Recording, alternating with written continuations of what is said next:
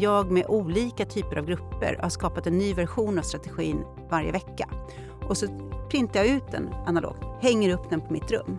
Och sen är alla välkomna som har möjlighet att komma dit och sätta upp post-it-lappar. Vad får jag energi av? Vad motiverar mig? Vad tycker jag inte?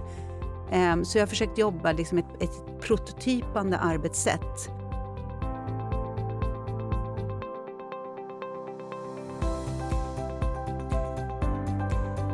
Varmt välkommen till eh, Konkurrenskraft, podden där vi pratar om eh, framtidens beslutsfattande, verksamhetsstyrning och eh, ledarskap. Jag som håller i samtalen heter Robin Askelöv och är marknadschef på Hypergene, ett techbolag inom just beslutsstöd och verksamhetsstyrning som ju också ger ut den här podden. Och ja, som vanligt försöker vi belysa de här frågorna från en rad perspektiv och det gör vi genom att träffa intressanta människor med spännande erfarenheter som de vill dela med sig av. Och eh, den här gången så skulle jag vilja prata om hur man arbetar med de här frågorna, just beslutsfattande, verksamhetsstyrning och ledarskap i värderingsstyrda organisationer. Och eh, då med ett exempel från fastighetssektorn som fått in en ny VD i Johanna Frelin på Riksbyggen. Varmt välkommen Johanna! Tack så mycket! Jättekul att ha dig här. Ja, men jätteroligt att vara här. Hur eh, står det till?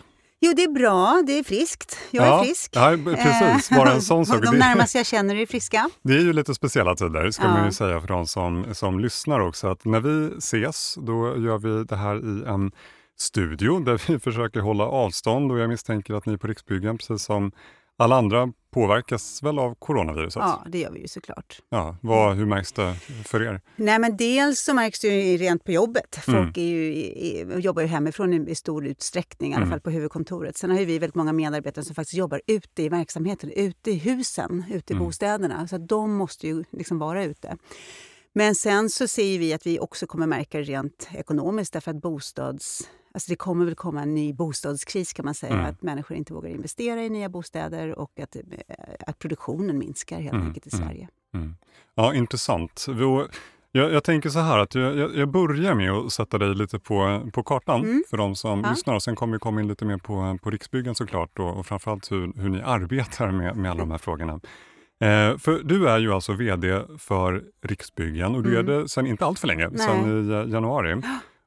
Eh, för er som kanske bara känner Riksbyggen till namnet så tänkte jag bara kort säga att det är ett bolag med 3000 anställda ungefär, mm. omsätter en 8 miljarder. Eh, sen är det ju ett kooperativt företag mm. eh, och det kommer vi komma tillbaka till. Ni bygger utvecklar bostäder och sen är ni en av Sveriges största fastighetsförvaltare. Ja, var det en rimligt bra det var sammanfattning? Rim, det var en jättebra beskrivning. Ja, men vad bra. Då, då kommer resten av frågorna stämma också. Eh, och eh, innan Riksbyggen då kom du från arkitektfirman Tengbom mm. med en 600 anställda. Du var VD.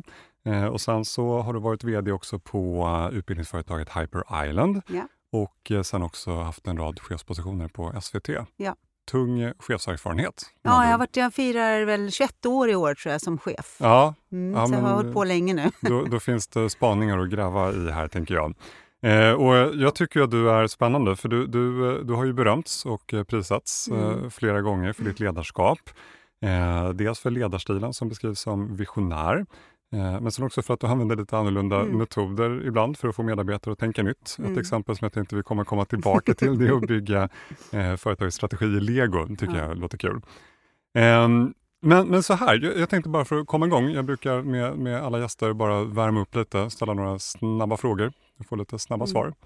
Känner du dig redo? Ja, bara köra. Ja, men underbart. Eh, när har du så roligast på jobbet? Alltså det är nog när jag antingen leder en workshop eller leder ett stort möte. Mm. Eh, jag tycker att det är häftigt när, när man känner att den smartaste personen i rummet faktiskt är rummet. Det vill säga mm. att man har förberett en process som gör att man faktiskt får ut det bästa av alla personer. Och tillsammans blir det liksom en mycket mer komplett bild, mycket bättre resultat och högre kvalitet än om var och en hade tänkt för sig. Mm. Och i de situationerna när det bara uppstår såna aha moments, både hos deltagare och hos mig, tycker mm. jag, och folk är så sjukt nöjda med sig själva efteråt, eh, det tycker jag är det absolut roligaste. Och då måste jag ju fråga direkt, då, om jag tänkte komma in på det lite senare. Har du fått uppleva det hittills på Riksbyggen när ni inte har möjlighet att träffas på samma sätt? Ja, men jag har gjort det. Jag har inte kunnat ha liksom stora workshops och stora möten så som jag brukar vilja ha. Ja. Det är lite tråkigt, mm. eh, men det får komma till hösten. Ja. Eh, men däremot har jag gjort det i företagsledningen, så eh, vi jobbar ju ändå... Jag hann ju med jobba lite grann innan, mm, mm. innan coronan slog till. Ehm, så där tycker jag att vi tillsammans i företagsledningen har liksom fått, fått till det, den mm. typen av aha-upplevelser. Mm, ja, men kul. Om man tittar tillbaka, kan vi ta de senaste 12 månaderna, visserligen då med ett tydligt break då för ett halvår sedan när du började på Riksbyggen. Eh, vad är du mest stolt över under, de, under det gångna året? Alltså det är nog faktiskt eh, väldigt personligt att jag faktiskt vågade ta jobbet på Riksbyggen. Mm. Eh, för jag är ju en, lite av en eh, outsider mm, utifrån det mm. perspektivet. Um, och jag tvekade väl egentligen aldrig. Jag fick frågan i, precis innan Almedalen i somras. Um, och jag tvekade aldrig, men efteråt tänkte jag åh herregud, det där är ju något helt annat än vad jag är van vid. Mm. Um, och um, jag får bara lita på styrelsen och rekryteraren, att jag mm. är rätt match. Vad var det viktigaste som fick uh, liksom beslutet att tippa över?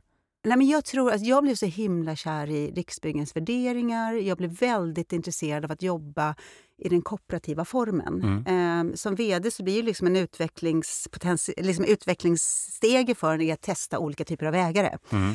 Eh, och jag har jobbat med entreprenörer, jag har jobbat med private equity-ägare och nu den här kooperativa formen. Den mm. har jag nästan inte stött på överhuvudtaget, annat än som konsument på Coop. Ehm, men den tyckte jag var, eh, känns komplex. Eh, den känns meningsfull. Mm. Eh, men är ganska utmanande, mm. för det är ganska många som ska med på liksom samma tåg. Mm. Ja, men det där kommer vi verkligen få mm. anledning att komma tillbaka till. Mm. inspiration tycker jag är viktigt och det ska vi förhoppningsvis dela med oss av här. Hur, hur får du själv inspiration? Eh, genom det nätverk jag har. Mm. Jag har ett liksom, ganska stort nätverk av väldigt eh, briljanta personer. Eh, jag är också med i ett nätverk som är lite mindre som heter Women for Leadership. Mm. Som handlar väldigt mycket om eh, ja, att vi stöttar varandra kopplat till ledarfrågor. och VD, Många är vd där. Mm. Och, liksom, och kopplat till vd-frågor, ägarfrågor. Um, och det, det, har ju blivit liksom på så sätt att vi har rest lite grann tillsammans och så, mm. så att vi har blivit ganska sammankittade och väldigt öppna med varandra. Jag tänkte att vi ska komma in då lite mer på, på intervjufrågorna. Och, eh, jag tänkte jag börjar med din långa erfarenhet som chef. Eh, som sagt, du, du har ju varit chef på Sveriges Television, Hyper Island, Tengbom och nu på på Riksbyggen. Mm. Vad, vad, är den röda tråden i ditt eh, chefskap och ledarskap? Mm. Jag vet, mitt, mitt CV kan ju se lite brokigt ut.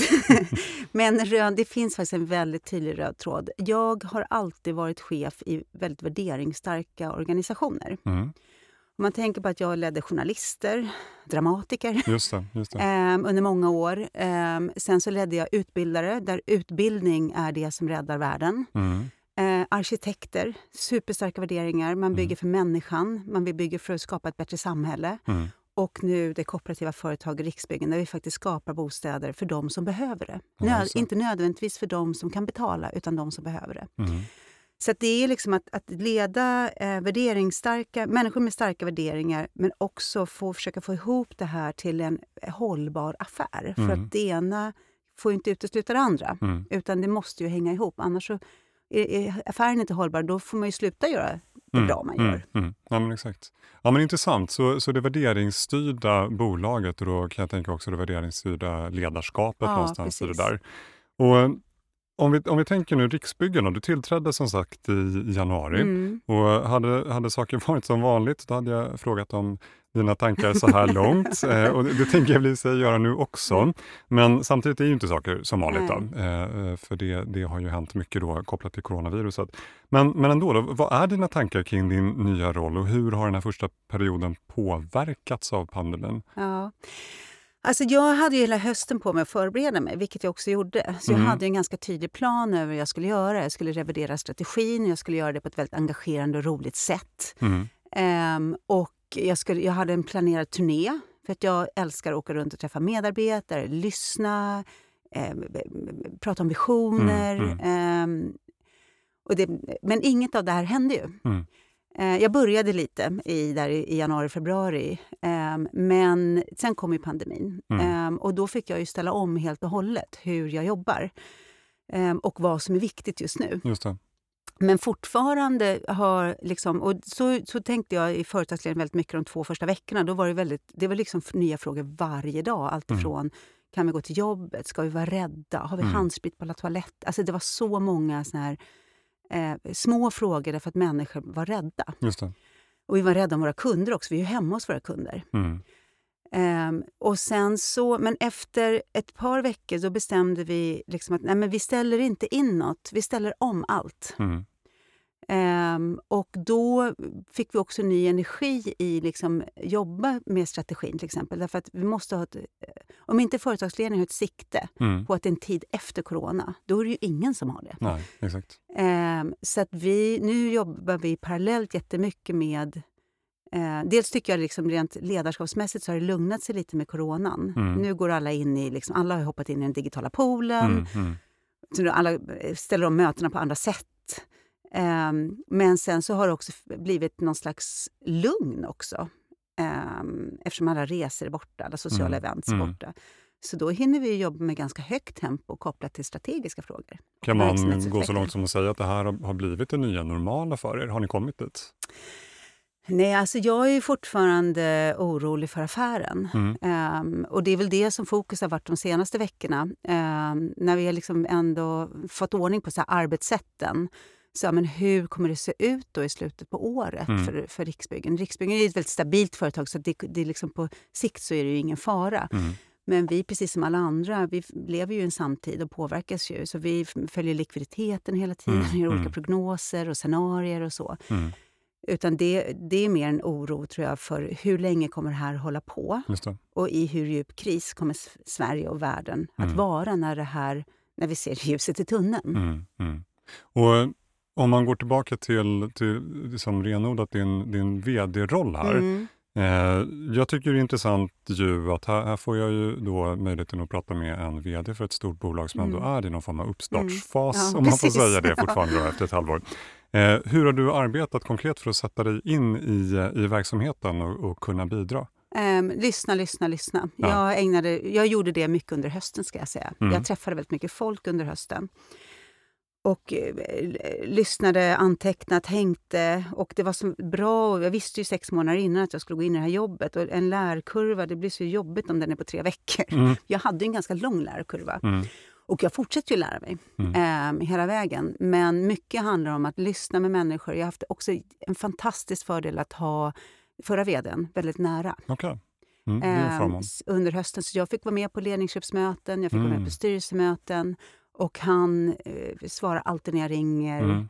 Ehm, men vid något tillfälle då känner man så här, men nu klarar jag mig själv. Mm. Och det hände någon gång här i, ändå i januari, februari. Ehm, att nu, nu klarar jag mig själv eh, Mm. med hjälp av ledningsgruppen. Sen tror jag att jag har ett ledarskap där jag, eh, jag är liksom ingen ensamvarg alls, utan jag är en väldigt mycket teamperson. Och då gäller det liksom snarare att gå in med metodiken, hur kan jag få teamet att bli så öppet som möjligt, så jag får veta så mycket som möjligt av vad som är svårt. Ja, För det är det. vi ska jobba med. Mm. Det, det andra, det, det funkar ju. Mm. Det ska ju bara peppa. Liksom. Ehm, så att jag tror att jag använder mig jättemycket av teamet, vilket gör att jag har större chans att gå rätt Mm. som vd än att gå fel. Mm. Eh, Eller en risken att gå fel. Mm. Det där är jätteintressant. Och du, du var ju inne lite tidigare på, du, du kallade dig själv lite udda fågel. Mm. Och ehm, på pappret är det ju så. Du har ju kanske en, en lite annan bakgrund än, än vad man tänker sig Mm. för, som en vd på ett Mm. fastighetsbolag. Eh, hur har medarbetarna märkt att det är Johanna Frelin som klivit in genom dörren? Ja, men dels är jag ju inte en expertchef. Mm. Eh, och det gör ju skillnad i att jag går ju inte in i detaljer på det sättet kopplat till enskilda bostadsprojekt. Liksom. Ja, just det. Ehm, så det märker de. Jag jobbar ju snarare mera med både ledarskap och att bygga system. Mm. Ehm, och att eh, jobba med kulturen. Ehm, vad det nu är som behövs, om det är allt från liksom, ekonomisk medvetenhet till Mm. eh, härligare samarbetsklimat. Mm. Ehm, utan jag, jag har ju ganska lätt för att delegera eftersom jag inte är experten själv.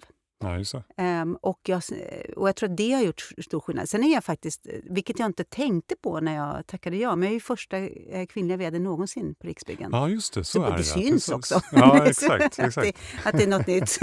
exakt. Ehm, så att jag tror att det på det sättet så... Och sen är jag inte heller, vilket jag förstått också är skillnad, jag kommer ju inte från kooperationen. Mm. Ehm, jag kommer inte, jag har inte, kommer inte från någon politik. Mm. Utan jag, jag är en typisk näringslivsperson. Mm. Så, och där kommer jag nog in med helt andra perspektiv. Mm. Ehm, både kopplat till tempo. Mm. Jag vill att saker ska gå rasande fort. Jag är Mm. van vid att det gör det. Jag är van vid att ha liksom, um, månadsbokslutssiffrorna typ nästa dag och Mm. liksom rapportera dem direkt till ägarna. Och liksom, ehm, så där tror jag man också märker att det, det ska liksom gå, processerna ska gå fort.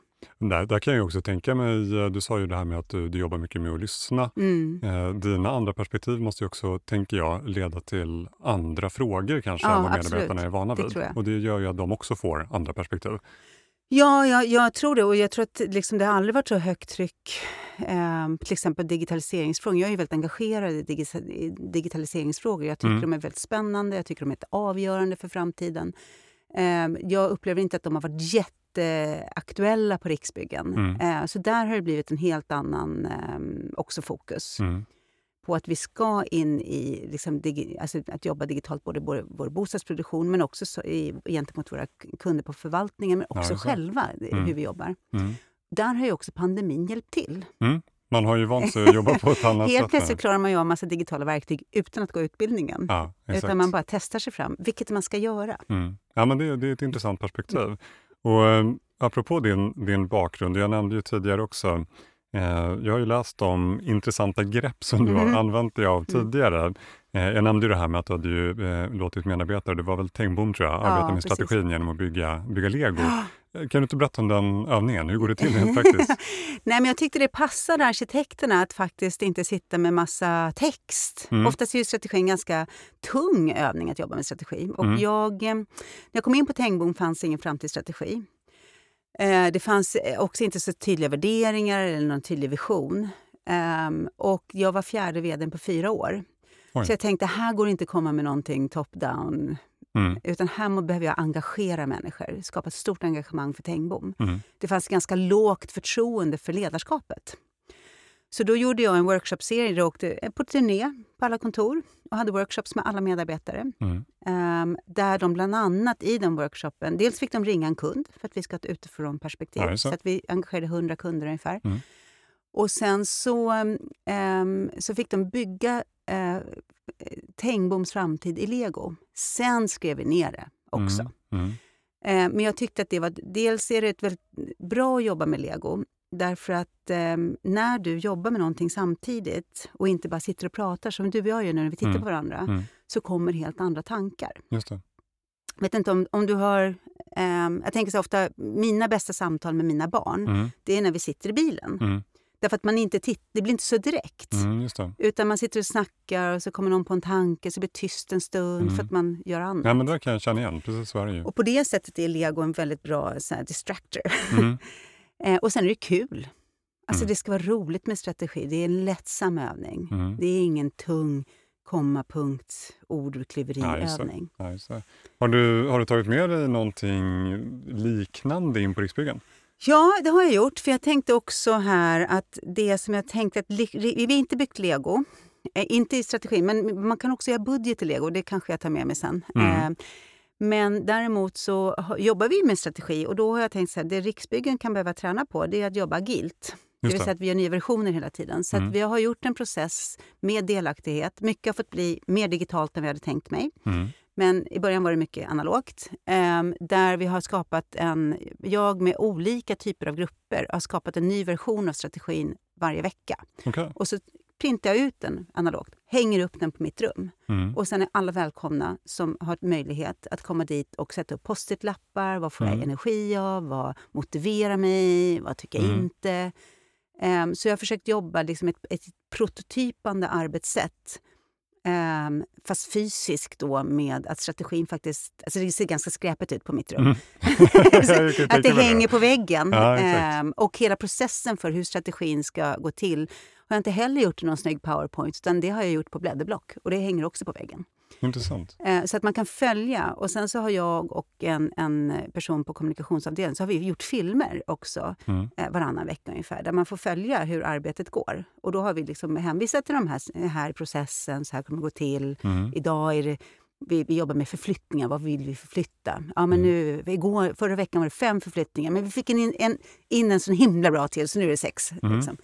Så att man försöker jobba en transparent agil process med prototypande som metod. Ja, det är jätteintressant, för att annars är det ju så. Jag har jobbat också i, i olika typer av strategiprocesser, både som, som konsult och mm. chef. Och mm. Ofta är det ju och blir ju mer av en svart låda där det där är ett arbete som pågår och sen så kommer det ut lite i bits and pieces till till medarbetarna. Det Exakt. finns ju alltid den risken i alla fall att det blir så. Det där ja, låter som ett, ett, väldigt intressant sätt att arbeta. Alltså det är ju, och sen lanserar jag nu, um, alltså strategin ska inte beslutas egentligen förrän september. Det hade mm. gått fortare om vi, om vi haft styrelsemöten oftare. Mm, det är klart. men, men, det gör ingenting att det tar lite tid. Men jag lanserar ju den medan den pågår. Mm. Den kan ändras, men så mm. här tänker vi idag. Just uh, så att det inte heller att man tar bort det där att det är en fixed grej bara för att det är tryckt och beslutat av, av någon högre instans. Mm. Det är ju ett levande egentligen material. Men vid några tillfällen så kommer vi också trycka upp det. Just det. Ehm, men jag tänker också att alltid skriva på strategin att det är så här, beta-version 1. Just det. Just det. Ehm, det kan förändras när som helst. Och det tycker jag också, eh, nu när vi haft en, har en pandemi, mm. det blir också väldigt tydligt att allt man hade tänkt kan också förändras. Mm, verkligen. Nej, och, och det om man, om man ska liksom anstränga sig för att se positiva effekter mm. av, av coronapandemin så är det ju att jag tror att den ökar ju mottagligheten i organisationer just för förändringar. Ja. Eh, den ökar mottagligheten för att eh, saker kan just ändras ja. och att nya mål kan komma och så vidare. Absolut. Så att, eh, ja, intressant. Jag tänkte vi skulle prata lite om, om det kooperativa. Mm. Riksbyggen är ju som vi nämnde tidigare, det är ett kooperativt företag mm. och då handlar ju det om att företaget ägs av de som berörs ja. av verksamheten. Eh, att det styrs demokratiskt och att vinsten går tillbaka till medlemmarna. Mm. Vad betyder det här i praktiken för dig som VD? Alltså det betyder ju att jag har flera olika intressegrupper att förhålla mig till. Mm. Vi har liksom centrala ägare. Eh, det är så här, Folksam, KF, mm. Eh, facklig, fackförbund. Ja, just det som är liksom centrala ägare. Sen ägs vi också av bostadsrättsföreningar. Mm. De bostadsrättsföreningar som liksom är Riksbyggenföreningar. Mm. Eh, de här intressegrupperna har inte alltid samma mål. De är ju liksom i Riksbyggen av olika skäl. Just det. Um, så det betyder att det behöver jag ju balansera mm. och tänka på, både jag och styrelseordförande såklart, och företagsledningen, tänka på liksom, hur kan vi ändå få de här olika intressegrupperna att faktiskt ändå eh, eh, driva Riksbyggens eh, gemensamma mål. Mm. Även om man kan ha olika perspektiv. Eh, så det gör ju att det blir lite mer komplext. Det fler, jag behöver förhålla mig till medlemsmöten, och årsmöten och centrala samrådsgrupper. Liksom en organisation som finns till för att man ändå ska ha den här djupa förankringen. Mm. Um, så det, det, är klart att det är någonting som är nytt, kan man mm. säga. Mm. Eh, driva ekonomin, det är ungefär samma i alla företag. Mm. Eh, det ska vara lönsamt, det ska vara hållbart. Just det. Eh, det, det, är lika viktigt som eh, ägarna vill ha tillbaka sina, sina medel. De vill mm. ha utdelning, de, mm. det bygger på det. det. Det är liksom ett kretslopp av pengar kan man säga. Mm.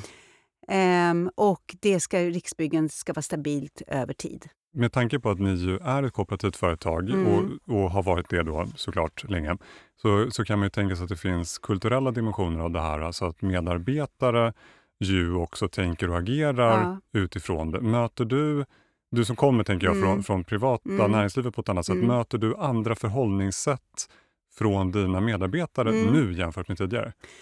Lite grann. Nu tycker jag att eh, Riksbyggen är ganska duktiga på att tänka lönsamhet mm. och en god affär.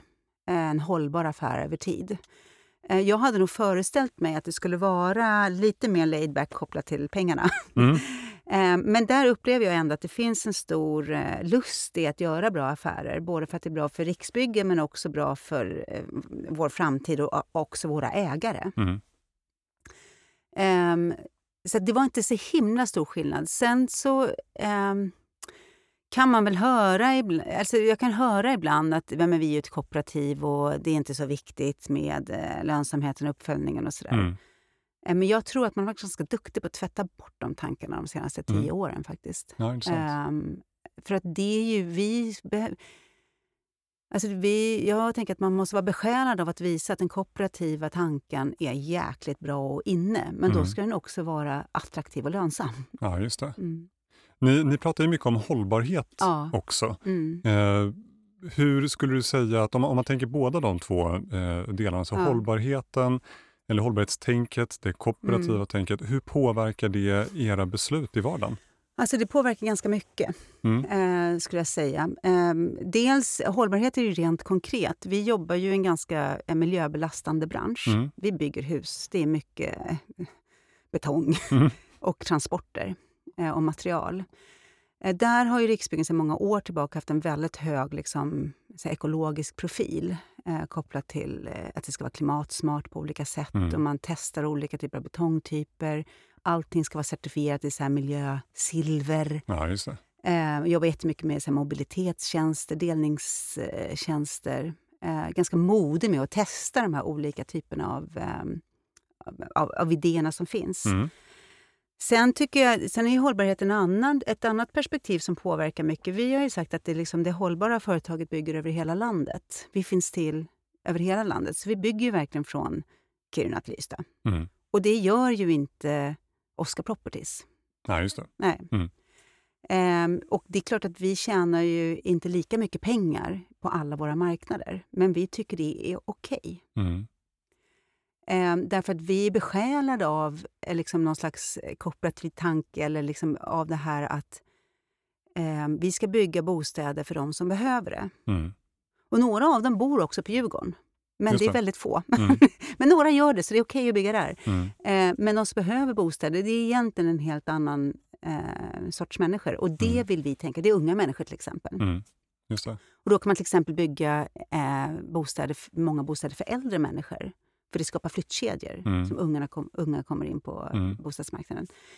Den typen av diskussioner, eh, ganska långt eh, gående diskussioner som samhällsutvecklare, det har jag nog, jag nog aldrig upplevt i ett annat företag än eh, när jag kom till Riksbyggen. Från Mm. styrelsenivå till liksom, eh, medarbetare. Det är det. väldigt stark linje i hela eh, företaget. Mm. Ja, intressant det där. Jag, jag nämnde ju beslut och jag tycker ju det är ju intressant hur beslut fattas också. Mm. Ehm, Jag tänkte bara kort också komma in på det, för att utifrån din bakgrund, din ledarstil och, och hur du arbetar, hur, hur fattas beslut runt omkring dig och hur är du involverad i de besluten som fattas? Mm. Jag tycker alltid när man är ny på jobbet, då Mm. får man liksom lite kämpa sig in i beslutsprocessen. Ehm, för att människor vill ibland ha besluten för sig själva. Medan jag kan tycka kanske att fler beslut är, ska vara kollektiva beslut Mm. än ett eget affärsområde eller en egen stödenhet till exempel.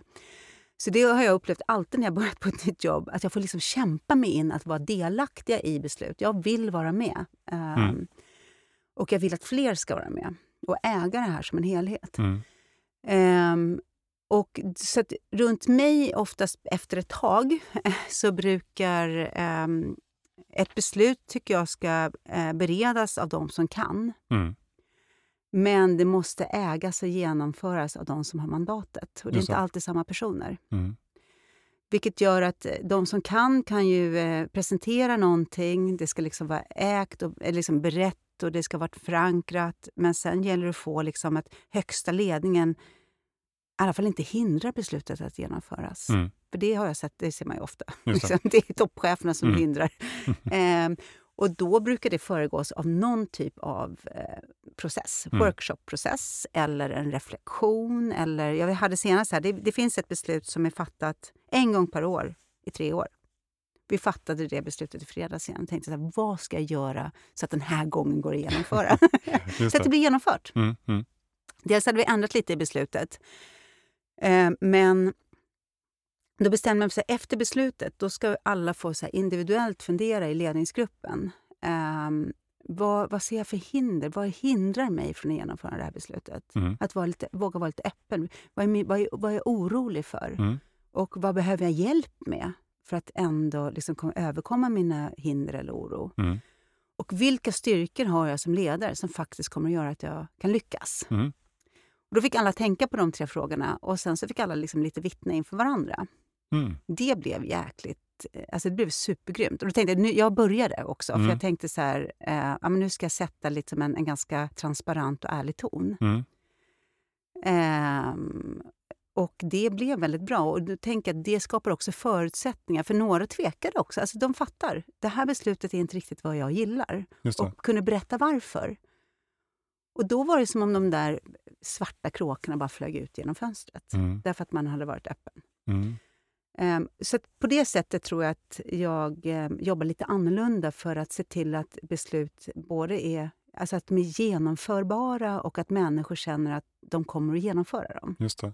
Det tycker jag är jätteintressant, för så är det ju. Beslutsfattande det är ju en typ av process, men, men genomförandet Ja. av besluten är ju ofta det är ju viktigare. det som är avgörande. Ja. Annars, du kan ju sitta på din, din tron och fatta hur mycket beslut som helst men om de inte går att genomföra, om ingen vill genomföra Mm. dem och om det eh, inte finns en, en kultur av genomförandekraft, Mm.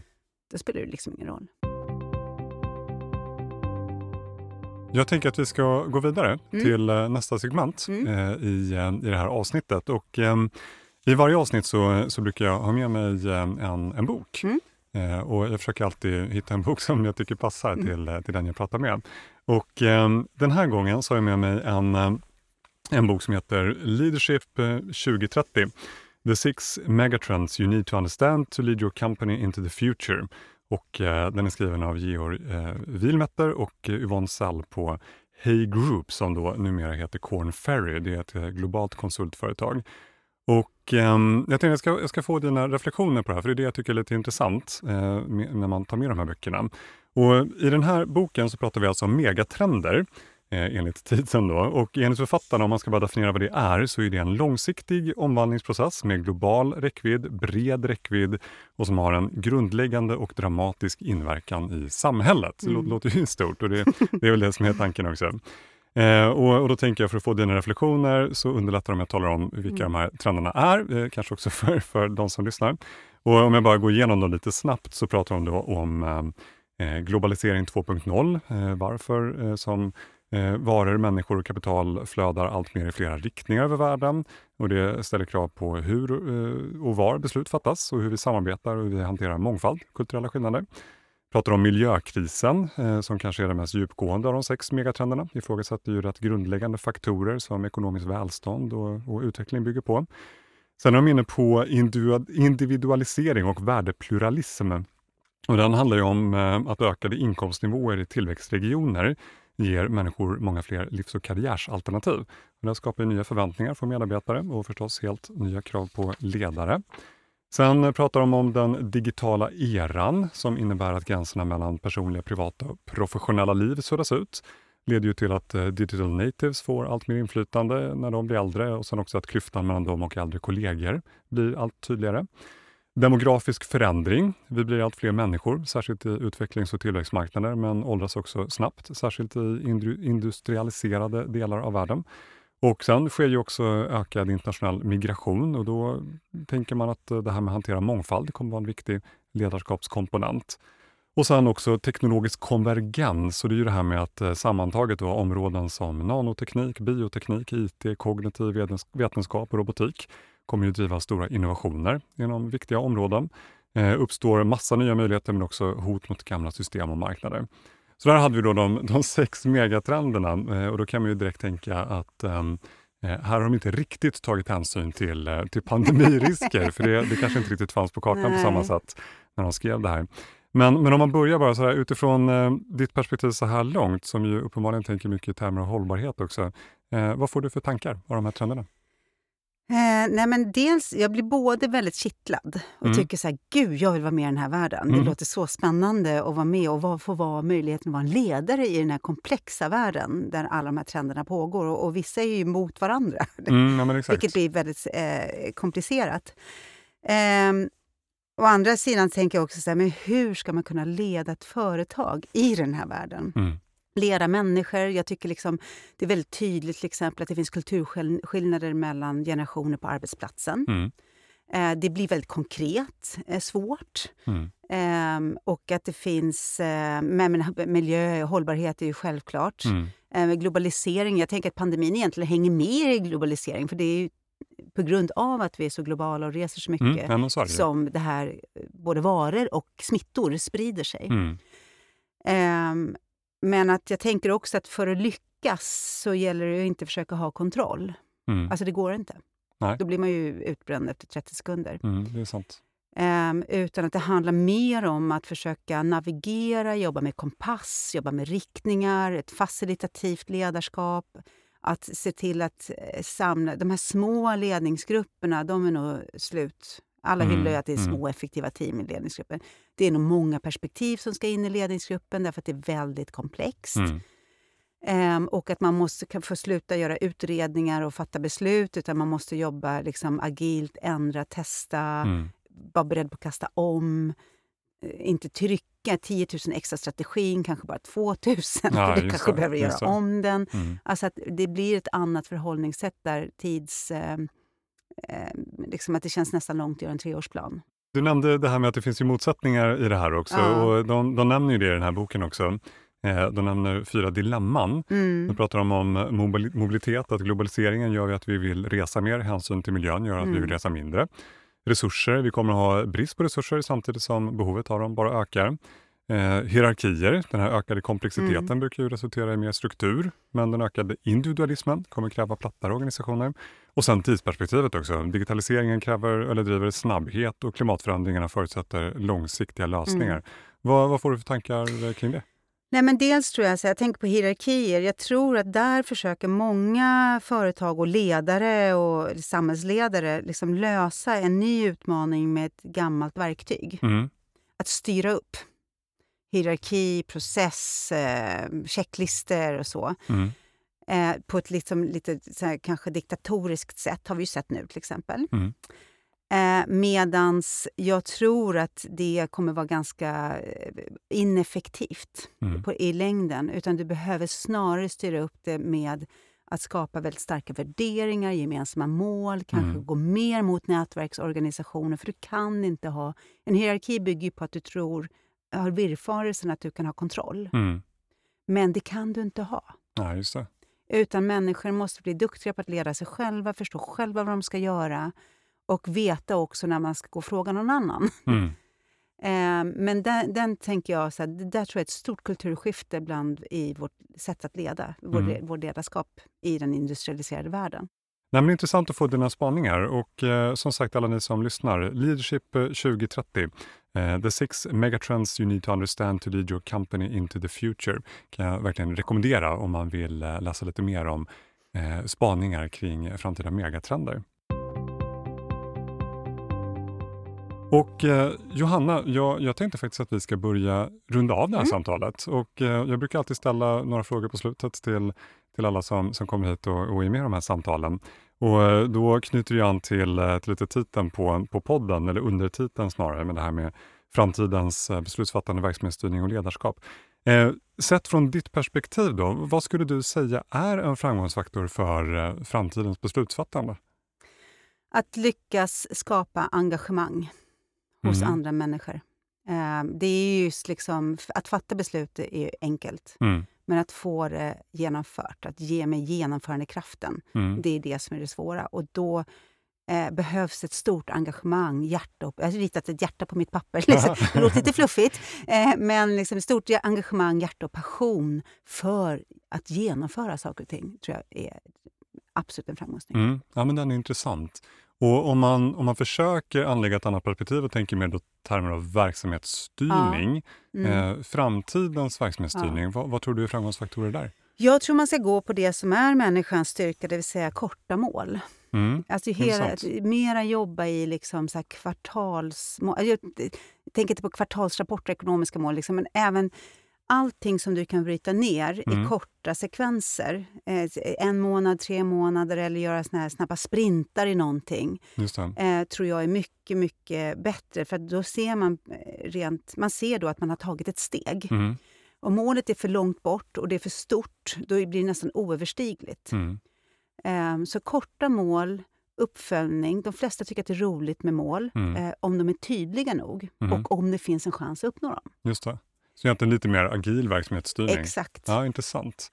Och, och då om man då eh, spänner hjärnan ännu lite mer och tar ytterligare ett annat perspektiv. De hänger ihop de här, mm. lite olika facetter. Men om vi tar ledarskap då. Ja. Eh, framgångsfaktor för det framtida ledarskapet. Ja. Jag tror att det... Eh, vi är i en samtid med större personfixering än vi har varit tidigare. Mm. Eh, du behöver förtjäna ledarskapet och det gör du via dig själv. Mm. Fatta beslut, det gör chefen. Eh, men ledarskapet, om vi pratar om det, så tror jag det är att våga vara mer personlig. Mm. Och Det betyder inte att man ska vara privat. Och Man behöver inte bli kompisar med alla. Mm. Men att, att vara en personlig ledare som, som utstrålar att man älskar ledarskapet i sig, mm. tror jag är en framgång. Ja, vad intressant. Ja, men Spännande och eh, verkligen intressant att få dina perspektiv, Johanna. Och eh, alla ni som lyssnar, som jag brukar göra, så vill jag bara snabbt också avsluta med att säga att gå gärna in på hypein.se. Där finns det mer information, mer inspiration, fler avsnitt av podden och mycket kring just beslutsfattande och verksamhetsstyrning som ju är det vi jobbar med. Och eh, ja, Johanna Frölin, VD Riksbyggen, stort tack för att du kom hit. Ja, men tack för att jag fick komma. Ja, och alla ni som lyssnar, ha en fortsatt riktigt bra dag. Hej då!